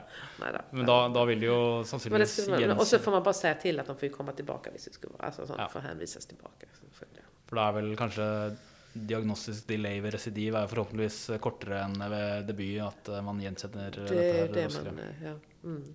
Ja, men Det er veldig greit å vite. Og Hvis vi tar for oss en som har litt mer alvorlig sykdom, da, la oss si en, en, eh, en anti-PL7 eller anti-Jo1-positiv antisyntase-syndrom med, med moderat eh, intensivell lungesykdom, som får prednisolon og rituximab, igjen responderer godt på behandlingen både, eh, både muskulært og, og lungemessig, og eh, lungefunksjonen har blitt tilnærmet normal, Mhm. er det, er det samme tankegang med behandlingsvarigheten der, eh, eller ville du gjort det på Ja, annet vis? nej, i utgångspunkt är det. Men vi kontrollerar dem fortsatt. Ja. Mer än två år. Ja. Så vi, vi, eh, Okej, vi kan hänvisa dem till lokal reumatolog eventuellt eller något sånt. Men, men eh, där vet vi att det kan komma Oplus. Mm, Och vi har sett också flera gånger när vi har prövat att seponera preparatet att det blir ett Oplus. ja, riktig. Eh, och då kan det vara, då behöver det inte vara alltså både lunga och muskel samtidigt, utan då kan det vara en av, flera av antisyntetaspatienterna har ju också artriter till exempel. Ja. Så, och det har man sett på sån långtidsuppföljning av antisyntetaser, att de får Oplus. Ja, riktig. Mm. Så, att, att, eh, så även om vi kan sluta och behandla dem efter två år, så följer vi dem. Ja, riktig. Mm. Men da, hvis du, du da, hvis jeg forstår det riktig, i hvert fall rituximab i, to år, da. Ja. Eh, og eh, er det sånn at du gir 1A, 1B, 1000 mg, og så hver sjette måned Ja, Eh, tusen. oftast. tusen. Mm. bare i. A-kura, Mm, ikke B? mm. Forstår jeg det da også at ved, ved antisyntetasesyndrom, hvor du gir prednisolon og rituximab, at eh, du også forsøker å fase ut prednisolon etter ett til ett og et halvt år, eller? Ja, hos dem har vi varit, där har vi faktiskt hållit prednisolon i två år också. Okej. Men i lavest möjliga doser. Ja. Ja. Mm. Og hvis du i tillegg gir mykofenolat, så er, det, så er det i praksis trippelbehandling også i, Ja. totalt i to år. Ja. Eh. Og eh, kan du si noe Altså, jeg skjønner at det er vanskelig Jeg skjønner at det er veldig mye individuelle vurderinger, Mm. eh, men, men har du et slags tommelfingerregel for, for hvordan du deeskalerer den trippelbehandlingen der, da? Altså, i rek- Nej, Nej. egentligen inte. Nei. Nej, det är väldigt individuellt. Um, men men uh, hvis vi ger dem Celcept eh, s- så att säga samtidigt med den här rituximaben och så fortsätter de med Celcept och steroider. Så, eh, så är det, det är samma princip att det är bäst att man får bort steroiderna först. Mm. Eh, Så det gör vi. Men vi håller steroiderna längre än på en vanlig ukomplicerad myocyt. Så det, det är forskellen. Ja. Um, och så hvis vi gör det så, så till exempel så är det väldigt vanligt. Detta, där, där är inga sådana direkta rättningslinjer, det får vi bara säga. Ja. Det finns inga studier heller. Men det vanligaste är ju, visst om då, vi snackat innan, om- innan om att eh, Celcept 1 gram gånger 2 var den vanligaste dosen, inte sant? Mm. Så är det vanligt att vi går ner då till kanske till 500 milligram gånger 2. Ja. Håller det kanske typ ett halvår eller något sånt. Och går det grejt. Ja. Under tiden du får rituximabben, alltså upp till två år. Och så Ja. ser du då hur det funkar. Riktig. Ja. Mm. Mm. Eh, Den siste casen, da. Mm. Det er da, La oss si at det er en med anti-SRP-positiv immunmediert nekrotiserende myopati. Veldig uttalt svakhet, og uttalt dysfagi. eh, Og eh, du gir eh, prednisolon og Ivig. Mm. Og eh, igjen, eh, heldigvis, god effekt. Mm. Kanske inte så mycket prednisolon då. Nei, riktig. Mm. Hva, har du noe, kan du si noe om behandlingsvarigheten for dem også, eller? Om, om du tar de här anti-HMGCR, alltså som är en del av immunmedierat nekrotiserad myopati. Så ju yngre du är, desto Mm. sämre prognos har du. Ok. Där måste du behandla längre tid. Ja. Så att de här då äldre herrarna och damerna som har kolesterolsänkande och har fått detta på grund av det. Mm. De svarar oftast faktiskt rätt så fort. Ok. Och det är de som man också kan försöka spara en del på steroiderna. Att du kanske inte tränger 0,5. Kanske tränger du bara 20, max 30 milligram eller något sånt. Ja. Eh, när det gäller anti-SRP, som du, det var väl den du sa nu som var anti-SRP positiv. Ja, og la meg bare legge til, vi ble vel enige om at vi også gir metodrexat eh, her, da. Ja, Ja, ja, ja. Så, anti-SRP är ju en, en eh, just de är där case reports på att de kan ha my- mycket hjärta. ja, ok. Mm. Så de ska man vara extra uppmärksam på det. Ja. Eh, och då har man också, och just de är det också case reports på att de svarar dåligt på steroider. Ja. Men oavsett. Eh, men, men där, ehm, nej, de har vi ju hållit lite längre än två år, ja. Mm, mm, Mm. På behandling, ja. Men, ja, da, och har inte sett någon, alltså SRP, de, eh, visst de svarar rätt så bra, alltså inom tre månader så går det oftast väldigt bra. Det är de som inte svarar inom tre månader som det går värre med. mm, ja. Bare for å avklare det første først. eh, Når du snakker om disse med anti-HMG-KA-reduktase Mm. som er yngre, hvordan ville du, hvem ville du kalt yngre i denne sammenheng? Er det Under 40 till exempel. Ok. ok. Og så, Vi har jo touchet innom dette da tidligere, men, men med prednisolon og Ivig og metodrexat eh, bare, Du får si om jeg husker feil, men, men da var det Ivig eh, to milligram per kilo i, Mm. i, i seks måneder, ett milligram per kilo neste seks månedene, og så kanskje avslutte, Mm. og så fortsette med metodrexat, eh, i- og da kanskje enda litt lenger enn Ja, eh, ytterligere ett år til. Ja. Og eh, prednisolonen oppi dette, er det, er det blant sånn som med antisyntase at du holder det lenger, eller er det som dermatmusitt at du prøver å Nej, komme av? alltså visst du har en sån immunmedierat med SRP så är det rätt så flott f- att få ner. eh, För det första så startar vi inte så Ja. väldigt höjt. Mm. Och så är det bra att få bort in, Ja. helst inom ett år. Okej. Eller sånt, det får man nog säga. Ja. Detta är in, in i Dream World. Jag ska inte påstå att vi är så flinka på att göra det, men vi prövar. Ja. Men det betyder at eh, Eller Ja. Dream World, men alltså det, det, det, det är bra teoretiskt sånt sätt, så det är inte alls säkert att det fungerar. Men, men eh, det är bra att göra det så. Ja. Mm. Mm. Men jeg forstår også at det er noen av disse pasientene som ender opp med å få IVIG ganske lenge også. Ja, eller, faktiskt. Ja. Eh, mm, det är det. Speciellt, ja bägge två faktiskt. Men där igen är det faktiskt så att, alltså alltså eh, diagnostic delay påverkar prognosen, det gör det ju. Mm. Men, men just de här immunmedierat, är ju, de, är, de är oftast inte så mycket långsamt progrederade. De kommer rätt så snabbt de, Ja. För att Mm. de får så höga CK-värden och, och intens muskelaffektion. Ja. Men, men eh, ju tidigare de då svarar på behandlingen och kommer igång med behandlingen, desto, det där är det en sån prognostisk grej. Mm. Mm. Ja, men eh, veldig bra. Er det noe du til slutt vil, eh, vil si som jeg har glemt å spørre om? Eller som du Oh, jag kan prata länge. jag känner inte att folk, det är väldigt hyggligt att folk vill höra, jag hoppas att folk vill höra om detta. Det er helt Eh, overbevist om at du vil. Men eh, nej, jag tänker mig att eh, man eh, som alltid inom reumatologiska eh, sjukdomar så måste vi se på hela patienten och det gäller också icke minst kan man inte säga, men, men det är ju så. Men Det, det menar jag på att vi generellt, vi som reumatologer, är flinka till att göra. Ehm, Det som många myositpatienter, vi har ju sån, vi har myositskola, det kan vi säga. Vi har ju sån mästringskurser här, två, två gånger, tre gånger om året kanske Mm. eh, med myositpatienter. Och nu äntligen så kanske vi ska få en grupp i Norsk eh, Reumatikerförbund, så det är kämpemorsomt hvis det går igenom. Mm. Eh, Men det de klagar mest på liksom, det är ju inte det där med att, att de är så väldigt svaka, utan det är att de har liksom lite sån, ja till exempel följder av att de har haft eh, rätt så länge steroider med de långtidsbiverkningarna. Mm. Eller detta med fatig då, att man liksom inte orkar så mycket. Liksom. Ja. Ehm, så, så det är väl det som kommer fram när vi har dessa mästringskurserna då. Mm. Mm. Selvfølgelig är det de som har eh, klart reducerat, men det är oftast IBM-patienter, inklusionslegeme, som då blir bara dessvärre långsamt sämre och sämre. Mm. Och då blir det ju en del diskussioner i förhållande till fysisk funktion och sånt. Men Ja. de allra flesta klarar sig ju faktiskt väldigt bra Mm. fysiskt. Mm. Ja. Mm. Veldig bra. Så det er jo heldigvis eh, for mange at dette går bra, da. Ja, Det er det jo man veldig bra. Det är väldigt flott. Och visst man inte har någon bakomförliggande kräft, men det kan ju också gå bra. för Ja. så vidt. Ja, det er heldigvis eh, også det. Men ehm, da tenker jeg at vi runder av. Jeg, nå har jeg holdt deg her på, i det vårt provisoriske podkaststudio i to timer. Så jeg tenker at du skal Det få, få slippe ut. Men jeg er veldig, veldig glad for at du tok deg tid til å snakke om dette. her. Det er utrolig lærerikt å høre, høre deg snakke om uh, musitter. Så jeg setter veldig stor pris på det. Tusen tack, väldigt bra. Och så får ni ha det så bra. Vill ni, lurar ni på någonting så kan ni bara få eh, ta kontakt, selvfølgelig. Mm. Okej, Fint. fint det. Tack. Ha det godt. Ha det.